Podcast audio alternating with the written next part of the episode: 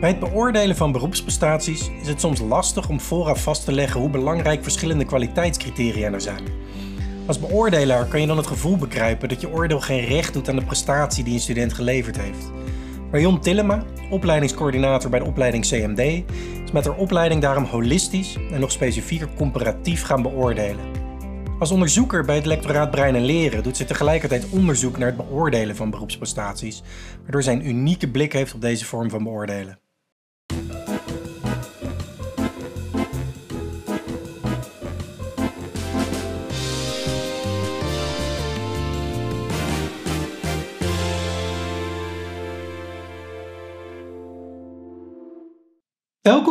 Beste luisteraars, bij een nieuwe aflevering van Vonk Podcast. Het nieuwe schooljaar is weer begonnen en een uh, nieuwe serie podcast komt eraan. En de eerste trappen we af met uh, Marion Tillema, opleidingscoördinator van uh, CMD. Dat staat voor communicatie en multimedia design. Dat klopt, ja. Eh, de Bosse afdeling daarvan. We hebben twee CMD-opleidingen bij. Goed dat je Goed dat zegt. CMD Den Bosch. Yes. Zij is ook senior onderzoeker beoordelen van beroepsprestaties bij het lectoraat Brein en Leren. En koppelt dat direct aan eh, wat ze bij een opleiding doen en waar we het vandaag over gaan hebben. En zij is in het verleden gepromoveerd op hoe je schrijfproducten op een valide manier kunt beoordelen. Ze heeft ook veel raakvlakken met wat we vandaag gaan bespreken. We gaan het namelijk hebben over holistisch beoordelen en een speciale vorm daarvan, comparatief of vergelijkend beoordelen. Een manier hoe je dat in kan vullen. Um, maar om even bij het begin te beginnen, Marion. Um, wat is er eigenlijk anders of moeilijk aan het beoordelen van beroepsprestaties? Wat zijn er de grootste dilemma's waar je mee te maken hebt? Um, ja, ik denk dat er, hè, dus ten opzichte van klassiek toetsen, eh, dat er veel dingen anders zijn. En ook uitdagend bij het beoordelen van beroepsprestaties of met beroepsprestaties. Hè. Denk al aan um, uh, nou ja, het, het voorbereidende onderwijs bijvoorbeeld hè, is al anders. Je gaat een beroepsprestatie integraal toetsen. Uh, dus daar moet het onderwijs op afgestemd zijn. En uh, denk aan toetsconstructie. Um, hè, in plaats van dat je een toets opstelt, zul je een opdracht moeten op, op, opstellen. En uh, ja, die, moet, die moet zodanig opgesteld zijn dat de student getriggerd wordt om die hele beroepsprestatie te laten zien. Dus dat zijn allemaal al voorbeelden, denk ik, van uh, wat er anders is en mogelijk uitdagend is aan uh, beoordelen met beroepsprestaties. Um, wat voor mij een hele belangrijke en interessante vraag is, en dat is ook een vraag die ik in mijn onderzoek uh, aan het uitdiepen ben en verder ga uitdiepen, heeft eigenlijk te maken met uh, ja, de veelomvattendheid van, uh, van beroepsprestaties. en met ehm, het behouden van gelijke kansen in het onderwijs. Um, ja, middels, middels de toetsing. En dat lijkt misschien een grote stretch, maar ik zal even uitleggen. Probeer het toch snel en kort, misschien iets kort door de bocht uit te leggen wat ik daarmee bedoel. Um, Kijk, beroepsprestaties zijn veelomvattend. Dus dat wil zeggen dat je uh, uh, als beoordelaar heel veel aspecten van die beroepsprestatie tegelijkertijd uh, moet zien, moet interpreteren, moet wegen. Hè? Dus het is een, zeiden we net al, een integrale opdracht. Dus er komt heel veel aspecten van die prestatie tegelijk komen in beeld. Dus dat is een uh, complexe taak. Daar moet veel informatie ja, gewogen, gezien, onthouden worden. Komt nog bij dat het heel vaak zo is dat die informatie dan van student tot student ook niet meer per se gelijkvormig is. Hè? Omdat ja, daar zit natuurlijk meer ruimte uh, tot variabiliteit in. Um, dus dat wil eigenlijk zeggen dat uh, beoordelen met beroepsprestaties. Uh, hè, dat, dat, is natuurlijk heel duidelijk dat dat allerlei validiteitsvoordelen kent. Ja. Uh, het zit heel dichtbij ja, waartoe je iemand opleidt. Dus het heeft een grote voorspellende waarde voor hoe goed iemand in de praktijk gaat functioneren. Ja. Dus het is heel goed om die stap te zetten, maar er zit een, ja, een risico, een risicootje aan wat mij betreft. En dat heeft dus te maken met die grote informatie lading, zeg maar, hè, die, uh, uh, die um, bij beroepsprestaties uh, ook een rol speelt. Die hoge informatielast Uh, en hoge cognitieve belasting. Voor nou, de docent. Weten, voor de docent, voor de beoordelaar. En we weten, onder andere uit de literatuur over kritisch denken, maar ook uit de beoordelingsliteratuur, uh, dat je dan een groter risico hebt tot het optreden van biases. Ja. Uh, en die zijn er in allerlei vormen. Ze zijn ook allemaal, hè, welke bias dan ook is validiteitsbedreigend. Maar zeker als het gaat om nou, bijvoorbeeld stereotyperingen of bevestigingsbias, ja, dan heb je dus ook nog eens te maken met biases die bepaalde studenten of bepaalde studentgroepen, hè, studenten met bepaalde kenmerken. Uh, ja, hè, dat, dat, voor hen zou dat misschien wat negatiever kunnen uitpakken. Dit is, hè, dat, dat is een mechanisme wat hier ook speelt. Dus dat is een aspect, zou je kunnen zeggen, van de validiteit. Dat is iets wat mij heel erg interesseert. Hè. Dus hoe kunnen we die balans uh, behouden? Of hoe kunnen we de beoordeling zodanig inrichten dat we een optimale balans hebben tussen hè, dat aansluiten bij de beroepspraktijk en ook uh, ja, de veelomvattendheid van, van dat product en die verschillende ontwikkelpaden die studenten daarin kunnen volgen. Maar ook um, uh, ja, wellicht toch enige vorm van standaardisatie omwille van uh, die gelijke kansen eigenlijk daarin te behouden. Ja. Uh, hè, dus dan heeft het meer te maken. Eenzelfde beeld te hebben over wat nou de kwaliteit zou moeten zijn, natuurlijk, van, uh, van een beroepsprestatie. Ja, zeker. Dus hè, wat je hier noemt, dat heeft ook te maken misschien met. nou ja, een andere invulling van de toetsbekwaamheid van een docent of beoordelaar. Het vergt iets anders van jou als ja. beoordelaar dan ik zeg maar even tussen aanhalingstekens, uh, klassiek uh, beoordelen. Hè? Of in kleinere opdrachten, of hè, minder integrale opdrachten in ieder geval uh, beoordelen. dat is wat mij er erg aan interesseert. En als je dat dan gaat beoordelen, zo'n beroepsprestatie, dan zijn er globaal gezien twee kanten die je op kan. Je kan analytisch gaan beoordelen of holistisch beoordelen. Wat is het verschil daartussen en wat zijn globaal de voordelen van die twee manieren? Ja, uh, nou, het is heel goed om dat nog even aan te stippen, inderdaad. Uh, te meer omdat ik uh, merk dat holistisch beoordelen ja, op verschillende manieren kan worden opgevat, hè, wat we daaronder verstaan. Ehm, kijk, analytisch beoordelen is wat mij betreft ehm, een beoordeling waarbij duidelijk is welke informatie je meeneemt over een student en ook hoe die informatie wordt gewogen in de beslissing. Hè? Dus in, de, in het oordeel of in het cijfer, om het maar even zo te zeggen. Uh, dus eigenlijk, als ik het even praktisch maak, is, het, is voor mij de definitie dat een analytische beoordeling, die, die kent een vaststaande weging van criteria. Hè, die, die weging is voor alle studenten hetzelfde en die staat vooraf vast. Dat is een analytische beoordeling wat mij betreft. En nou goed, daaruit volgt, voor mij is een holistische beoordeling een beoordeling waarin dat niet het geval is. Dat wil zeggen, de, uh, de aspecten die worden meegewogen in de beoordeling, of de, hè, dus de, de criteria die er zijn, daarvan staat niet van tevoren vast dat, ik noem maar wat, techniek altijd voor 20% telt. Uh, esthetische afwerking, ik zit even in mijn eigen ja, uh, mijn opleiding, ja, altijd voor 30% ja, telt. En dat dat voor elke student en bij elk werk hetzelfde is. Dus daar mogen die aspecten, die mogen interacteren, die mogen op elkaar inspelen. Ja.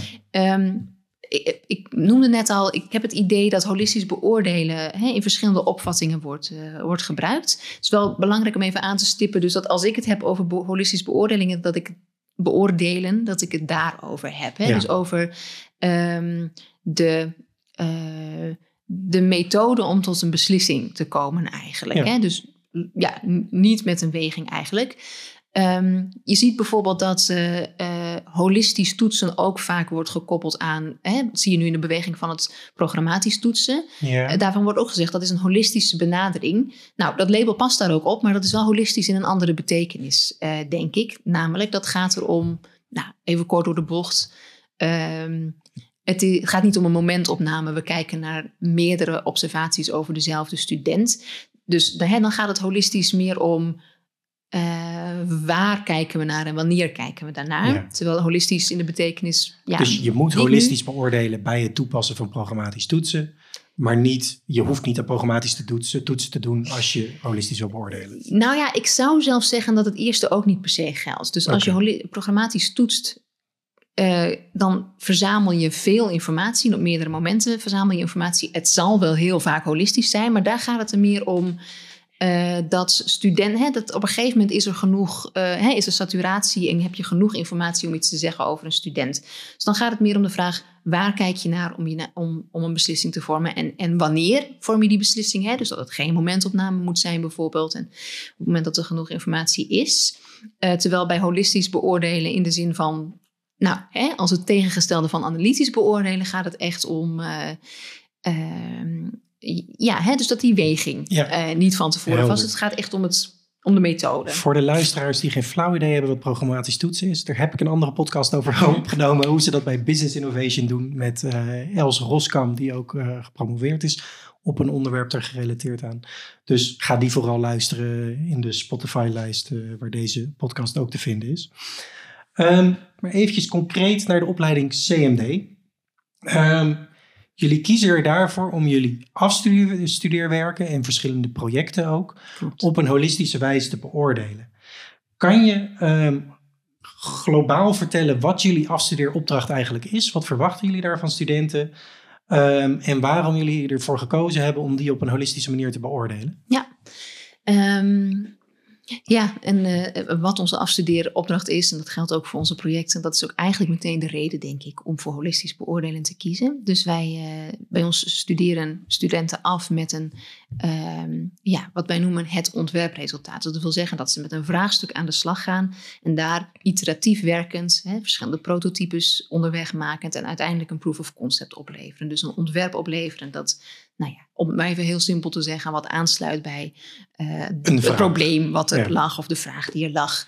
En um, essentieel aan de kwaliteit van ontwerp is nu net niet alleen maar dat wat er ligt, maar ook heel erg die manier van werken. Ja.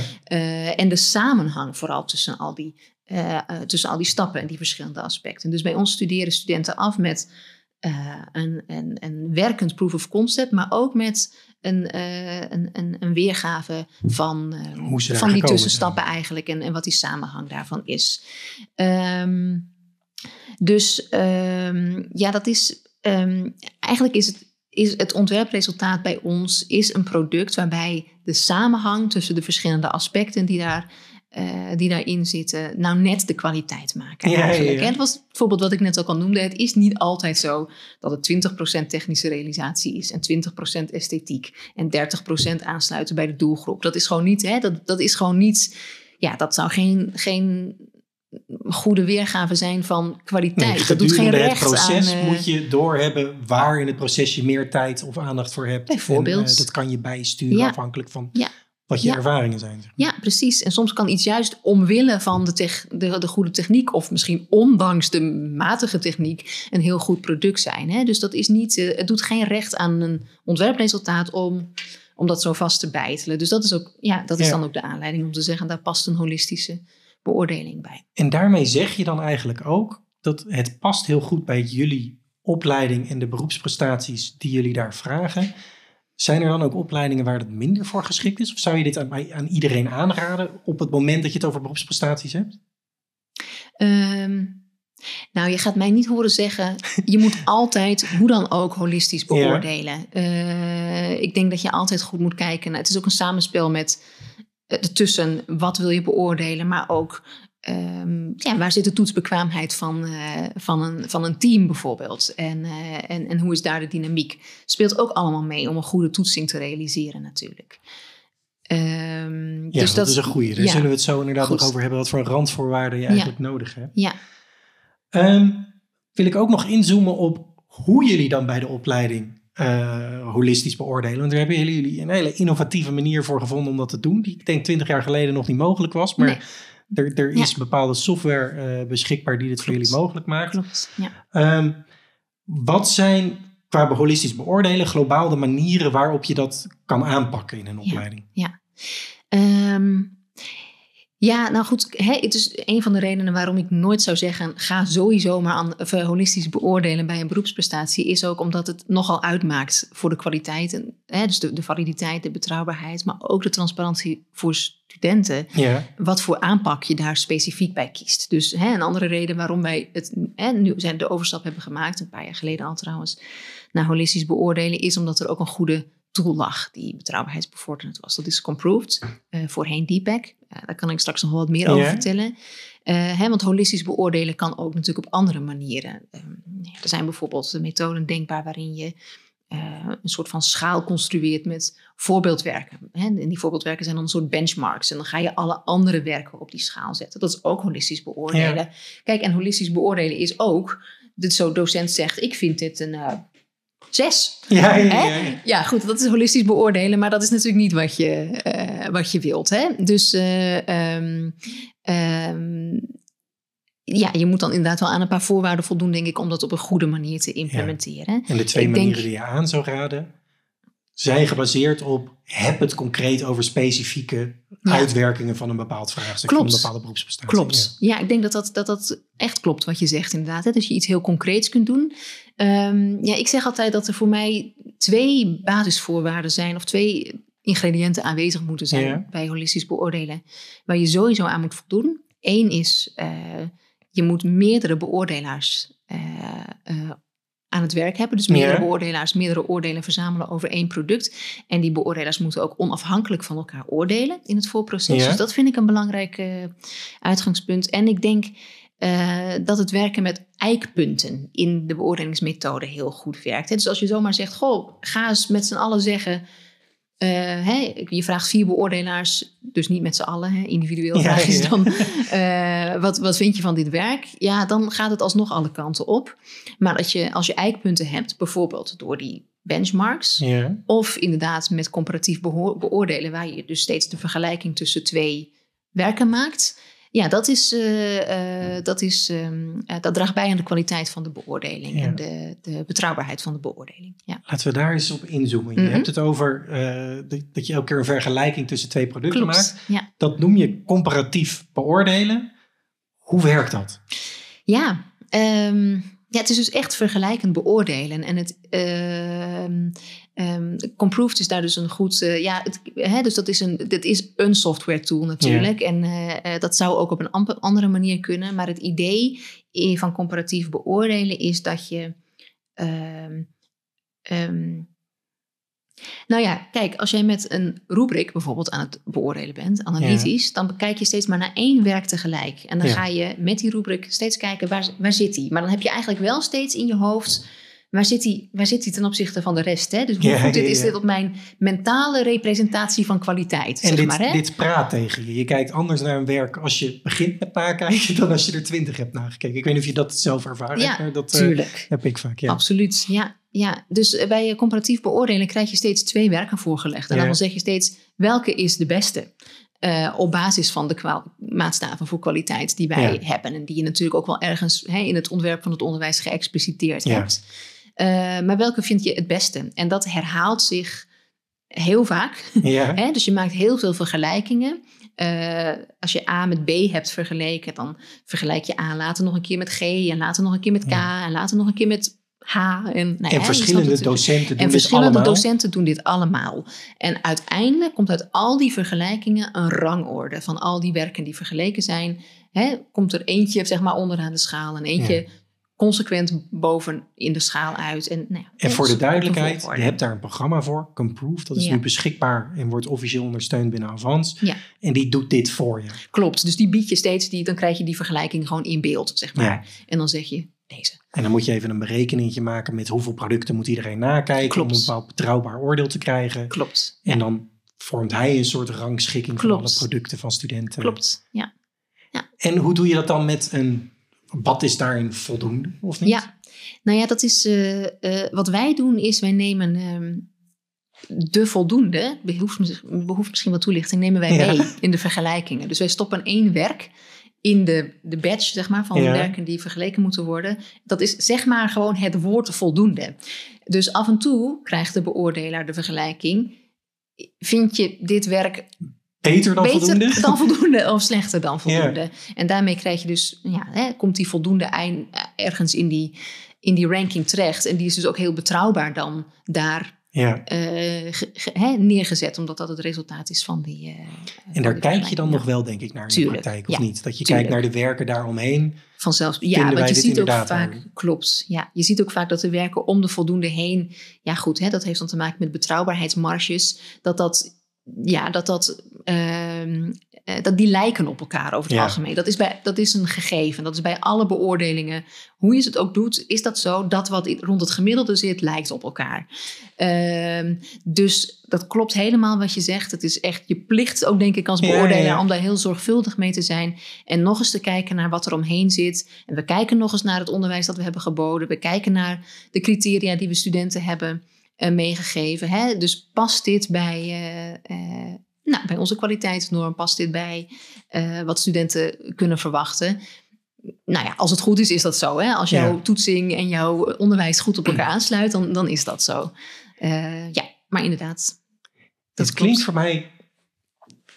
Ik vind het een hele mooie manier om dit te doen. Maar het klinkt tegelijkertijd als docent ook heel spannend. Ik ben heel erg benieuwd. Hoe werd dit ontvangen toen jullie ermee begonnen als academie? Zowel door je collega's als door studenten die beoordeeld werden op deze manier. Ehm, nou ja, toen we begonnen, het, het sloot toen ook echt wel aan bij een, eh, eh, bij een behoefte van, ja, van de docenten eigenlijk. En dat had te maken met wat ik net aan je omschreef. hè. Dus eh, ja, toch echt de, de herhaaldelijk gevoelde notie dat, dat zo'n rubriek niet, hè, dat kwaliteit van een ontwerpwerk niet met percentages zo kan worden Het- vastgelegd eigenlijk. De hè? beoordeling deed geen recht De- aan exact. het werk dat je voor je had. Exact, dat, ja. Dus in die zin kwam dat heel goed tegemoet aan... eh, ehm, ehm, ja, wat al, wat al gemerkt en gevoeld werd eigenlijk. Dus dat Ja. was ook... eh, ja, dat was gewoon een antwoord op, eh, op een zoektocht die gaande was eigenlijk. En toen je het Ehm, daadwerkelijk ging doen? ja. Nou ja, goed, dat vergt natuurlijk wel. eh, het, het is een hele andere manier van werken. En ehm, eh, er waren ook praktische puzzels. Bijvoorbeeld, wij, wij beoordelen heel vaak eh, eh, ontwerpen die ter plekke worden tentoongesteld. Dus die moeten ook die dag beoordeeld worden. Dat Ja. betekent dat je, ja, dat is docenten die, hè, de beoordelers, dat werk allemaal moeten zien. En dan, dus je moet echt live gaan beoordelen. Dus iedereen gaan inroosteren om die dag te gaan depacken, noemden we het Ja, nog. ja. Hè? De Comproved heette eerst depack. Om te gaan vergelijken en te gaan ranken. Ehm, en ehm, ja, wat het ook... Maar goed, ja, we waren denk ik met dit team ook al wel echt een eind op weg in de toetsbekwaamheid. Want het vergt bijvoorbeeld ook dat je... eh, inderdaad, hè, dat onafhankelijk van elkaar beoordelen. Dus dat je, aan, dat je niet tijdens het beoordelen al pratend komt tot, nou, ik vind, ik vind, ja, ik vind dit een voldoende, of ik vind dit, ehm, ik vind deze beter dan die andere. Dat merk je pas achteraf, hoe jouw collega's dat hebben gedaan. Hè? Als, Ja. als je je vergelijking al hebt gemaakt eigenlijk. Dus je moet echt onafhankelijk gaan beoordelen. Ja, dat vergt natuurlijk wel iets van, nou ja, je, hè, hoe, hoe comfortabel je jezelf voelt bij jouw toetsbekwaamheid. Ehm, Ehm, ja, of je het gevoel hebt dat je daarover met collega's kunt praten, mocht jij ineens afwijkend blijken te zijn eh, achteraf. Het moet veilig Het zijn. moet veilig zijn, absoluut. Dus daar moet je ook daar moet je wel aandacht aan besteden, eh, denk ik. Ehm, ja, dat ging bij ons goed. En eh, het leverde ook juist een heel mooi gesprek op over, Ja. over die kwaliteits... Hè, dat, dat, dat, dat hele rijke kwaliteitsbeeld. Je kunt, ja, je kunt het dan gaan hebben over...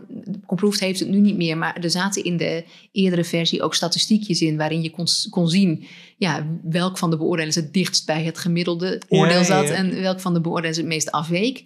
Eh, ja, dan kun je het gaan hebben over, hey, hoe kan dat dan? Waar kijk, hè, kijk jij dan toch ja, deels naar andere aspecten wellicht? Want dat is wel ook voorwaarde, hè? Dus Ja. ehm, iedereen moet wel met de totaalblik naar dat werk kijken. Dus Ja. het is niet zo dat de techniekdocent met de techniekblik daarnaar moet kijken. En dat de eh, vormgevingsdocent met de vormgeefblik of zo moet kijken. Nee, hè? precies. Dus je hebt allemaal moet- criteria opgesteld en iedereen moet het totaalpakketje Exact. in beschouwing nemen Ja. en de samenhang Ja. ertussen. betekent dus ook dat je dit niet kunt doen als je alleen maar echte gefocuste specialisten in Ja. huis hebt. Want ja, En zijn er ook docenten die hierdoor hun mening over de kwaliteit van bepaalde beroepsprestaties hebben bijgesteld? Dat ze denken, oké, ik kijk hier nu echt anders naar dan dat ik voorheen deed? goh. Dus het is lastig, ik, weet niet of ze dat zo ja, zouden uitspreken. Maar Misschien genuanceerd, hè? dat Ja. kan ik me voorstellen. Dus ik, ik, ja, ik heb wel, ja, wel gemerkt bij ons dat het het gesprek over, op gang hè, brengt. eh, ja, dat dat of op gang bracht, of in elk geval verder bracht, of, of nog wat verdiepte. Eh, dus ja, dat, dat, er is vast nog verdieping of nuancering geweest, inderdaad. Maar Ja. het is niet zo dat er iets totaal op de kop is gegaan Nee, of zo. nee, nee, eh, eh, Dat zou ook gek zijn, want dan Ja. schiet de eh, manier van beoordelen misschien zijn doel voorbij. Dat je... Ja, dan zou iets, ik zou zeggen dat er dan iets vreemds aan de hand is, inderdaad. Ja, ja, ja. En studenten. Het is Mhm. natuurlijk, ja. ehm, ja, op een bepaalde manier is het heel transparant. Op een andere manier is het misschien wat vager. ja. Hoe, hoe reageren zij erop dat Ja. ze zo beoordeeld worden? En, en hoe communiceer je erover? Ja, nou zeker, dat is een goed punt. Ehm, wat mij betreft is dat een van de grootste uitdagingen eigenlijk aan deze aanpak. Hè? Dus we zien echt wel dat nou ja, die holistische aanpak, dat dat goed aansluit bij wat je bij de, in de beroepspraktijk wilt. Hè? Dus dat het valide is, dat het voorspellende waarde heeft. Nou, met zo'n tool kan het ook echt heel betrouwbaar. En heb je die betrouwbaarheid ook nog eens gewoon zwart op wit. Ja. Eh, dus in die zin ook eh, qua borging ook helemaal in orde. Ja. Ehm, maar ehm, eh, kijk, het is natuurlijk niet zo dat je een student een rubriek voor kan leggen waarbij je zegt, nou, als je dit en dit en dit erin hebt zitten, dan telt dat voor 20, kom ik weer met mijn 20%, maar dan telt Ja. dit voor 20% en dat je van tevoren al kunt gaan aftikken. Eh, dus dat is anders Ja. voor studenten. Ehm, dus je moet wel inderdaad heel veel aandacht hebben voor hè, dus in het, in het voorbereidende onderwijs voor met die studenten aan de slag gaan van, ja, ook van het kwaliteitsbesef eigenlijk. Ja. En ik denk dat je dat doet door eh, ook met de studenten heel veel voorbeeldwerken te bekijken. Misschien hè, werken van voorgaande jaren, die wellicht ook samen met je klas eh, ook te gaan ranken en daarover te praten. Waarom is dit nu beter dan dat? En waarom is dit nu minder goed dan dat? En wat werkt hier goed aan? En wat werkt daar goed aan? Om dat hele rijke beeld van, van wat de kwaliteit van een beroepsprestatie is, wat geen optelsom is, Ja. eh, om dat ook bij studenten eh, ehm, ja, te ontwikkelen. Maar dat is natuurlijk, dat is best uitdagend om Ja, op die manier te gaan werken. Ja. Maar dus je raadt echt aan het ook als leeractiviteit in te zetten. Om Ja. om ja, beroepsprestaties gewoon te bekijken, te bespreken. En dat programma, dat is misschien ook wel goed voor de luisteraars om toe te voegen. Je hebt een ranking van alle producten. Maar je kan in die ranking ook heel makkelijk op producten aan de bovenkant of aan de onderkant klikken. Ja. Waar dan, want iedereen die, het, die de beoordelingen doet, die moet ook feedback geven. En dan zie je dus makkelijk wat voor feedback er voor betere producten en wat voor feedback er voor Klopt. mindere producten gegeven Ja, worden. klopt. Ja. Dus dit zou je dan met studenten kunnen doen en daarmee Klopt. het gesprek kunnen voeren Ja. over wat is nou kwaliteit van Ja. zo'n beroepsprestatie. Ja, zeker. Ja. Mooi. Dat past ook heel erg bij allerlei didactische uitgangspunten rond modeling en zo eigenlijk. Hè? Ja. Dus dat je met die voorbeelden en die eh toelichting daarop werkt. Ja. En voor de beoordelingen zelf, eh, hoe krijgen zij hun feedback te zien? Alleen het, de feedback op hun eigen werk of ook de feedback op de, het werk van eh, andere studenten? Of is Ja, dat, nee, dat kun je kiezen.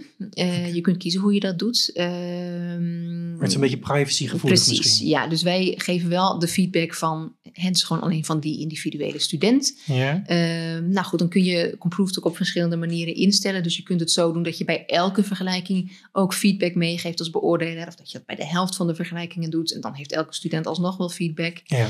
Ehm, dus dat, dat is een beetje een keuze, hè? hoeveel feedback je ophaalt. Ehm, kijk, het kan dus zo zijn dat eh, het is afhankelijk van de vergelijking waar een werk in zit, soms, wat de toon van de feedback wordt. Hè? Dus als Ja. iets naast een heel, heel goed product staat, ja, dan krijg je misschien meer eh, ontwikkelpunten, zeg maar, Ja. voor een bepaald werk. Terwijl als het naast een, hè, een gelijk, gelijkaardig eh, product staat qua kwaliteit, krijg je weer andere feedback. Dus ja. het is vaak wel een goed idee om aan het eind even al die feedback voor die ene student te doorlopen. En dat eh, hè, niet, niet te filteren of te censureren, maar wel eh, van uitleg te voorzien. Ja. Zeg maar, hè? Dus hoe, hoe verhouden deze verschillende opmerkingen zich? Want vaak als je Eh, feedback geeft, dan doe je dat altijd in de context waarbij je twee werken naast elkaar hebt. Ja, exact. Dus vaak is je feedback waarom dat product beter is Juist, of slechter is dan de maar dat is andere. natuurlijk niet waar je een student, weet je, dat is niet wat je een student na afloop gaat vertellen. Nee, precies. Ja. Dus eh, het is wel goed om aandacht te besteden. Dat is eigenlijk wat ik zeg aan. Ja, natuurlijk. Als je feedback geeft, moet je nadenken over hoe je die brengt. Ja. Dus dat is geen dump van allerlei notities, eh, vanzelfsprekend. Ja. Eventjes technisch en praktisch gezien. Je had het net al over ehm, hoe je dat rooster technisch soms voor elkaar krijgt. Ja, Maar is dit ja. laagdrempelig om toe te gaan passen? Ehm, Nou ja technisch, ja, technisch wel, denk ik. Dus de tool is makkelijk, Is makkelijk. eigenlijk. Eh, dus, dus technisch eh, zou ik zeggen dat er niet veel, eh, veel drempels zijn. Wat mij betreft is echt de grootste vraag, misschien of de belangrijkste vraag om jezelf te stellen. Dus of je dat, die transparantie voor die studenten kunt, kunt waarborgen. Hè? Dus dat je, dat je dat ook in het voorbereidende onderwijs goed kunt doen. Ik zou, ja, ik zou misschien zeggen dat ik dat de belangrijkste, het, echt, het, echt de belangrijkste check vind. En dan natuurlijk ook uh, ja, de zaken die ik net noemde. Hè? Dus heb je genoeg docenten in huis die, die met de brede blik kunnen kijken hè, naar het totaalproduct. Uh, überhaupt is de toetsbekwaamheid en de veiligheid in huis om, uh, om dit te gaan doen. Um, veiligheid is natuurlijk, bedoel, dat, ja, dat moeten we niet. Het is ook weer niet iets wat. Kijk, we zeggen het moet veilig zijn, maar het is ook weer niet extreem nee, nee, uh, moeilijk of zo. Hè? En beoordelen best... samen levert altijd wat discussie op. Dus ja. ik, de meeste docententeams zijn er toch ook wel aan gewend om het is alleen als je een ja. extreem onveilig team zou hebben, dat het dan misschien goed is om het even uit te stellen. Ja, want je dat, moet uh, samen gaan werken en ja. van elkaar zien, kunnen zien wat je gedaan hebt. Ja. ja. Maar ik mag hopen dat dat, uh, in, hè, dat, dat, dat, die, dat aan die basisvoorwaarden in principe uh, voldaan wordt. Ja. Als docenten nou dit verhaal geluisterd hebben, enthousiast geworden zijn en denken, dat wil ik ook. Heb je dan nog iets van een laatste tip die je ze mee zou willen geven van oké, okay, dit vooral doen of let hier vooral op of ga zo aan de slag? Uh, ja, dat hangt er vanaf hoe concreet ze, denk ik, uh, hiermee aan de slag willen gaan. Ik, binnen Avans is inderdaad Comproved ondersteund. Dus je ja. kunt dus kijken of je daarmee aan de slag wilt. Uh, ja, en ik zou beginnen om in je docententeams op te halen. Wat zijn bij ons eigenlijk de... Ehm, nou, waar zit bijvoorbeeld onze groei als het gaat om goed toetsen? Ja. En uh, uh, hè, waar zit onze vraag? En, en wordt die vraag dan, komt, wordt daaraan tegemoet gekomen door holistisch te gaan beoordelen? Uh, of zit dat misschien op een ander vlak? Hè? Dus je ziet ook vaak dat, de, nou ja, ook vragen die ik als onderzoeker krijg over holistisch beoordelen. Um, ik vraag altijd eerst door naar welke Um, welke, welke driver eigenlijk achter zit. Of wat de vraag achter de vraag ja, is. Want is... soms is holistisch beoordelen niet de oplossing, maar zit het op een ander uh, vlak eigenlijk. Dus dat, ja. Probeer goed voor je, dat zou het is niet echt een heel concrete tip, maar toch wel nee, denk nee, ik, nee, precies, maar ik vind goed uit te, te, zoeken waar zit je vraag ja. als het gaat om de, de, de, volgende stap, zeg maar. Het is op, niet een standaard oplossing voor iedereen. Ja. Je moet goed nadenken over of dit zou passen bij wat je wil bereiken als opleiding op het gebied van beoordelen. En misschien en dan, is er eerst iets anders te doen. ja. Um, en als je er wel mee aan de slag wil, uh, ja, probeer gewoon dingen. Nodig is een, uh, iemand uit voor een inspiratiesessie. Ja, of, uh, ja. Nou ja, en ons lectoraat, wij hebben ook een onderzoekslijn op beoordelen van beroepsprestaties. Dus zijn ook zeker in te schakelen om eens een keer expertise in te leuk. schakelen of zo. Dus dat vinden we, dat vinden we leuk, ja. Super. Ja. Marion, heel erg bedankt. Ik vond het echt een heel leuk gesprek. Vond ik ook. En op naar de volgende podcast. Leuk dat je geluisterd hebt naar deze podcast. Heb jij ook een tof onderwijsidee of ben je op zoek naar kennis en inspiratie over onderwijsinnovatie? Sluit je dan aan bij de Vonk Onderwijsinnovatie Community van Avans Hogeschool. Deze vind je via onderwijsinnovatie.avans.nl. Je kun je bijvoorbeeld laten weten welk onderwerp je interessant vindt voor een volgende podcast. Tot ziens in de community of bij een volgende podcast.